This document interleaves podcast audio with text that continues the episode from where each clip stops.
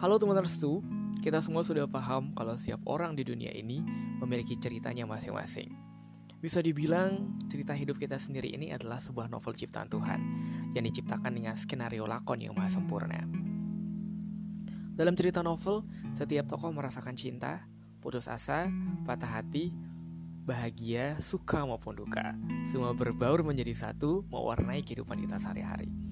Sama halnya dengan kehidupan nyata, ada banyak rasa dan perasaan yang tidak kalah seru dan menarik dari novel fiksi yang pernah kita baca. Nama saya Rasul Biansa, selamat datang di podcast pribadi saya. Ada banyak cerita dalam kehidupan yang perlu kita bahas dan dengarkan. Cerita kamu maupun saya pribadi selalu pantas untuk menjadi kisah novel kehidupan yang berharga.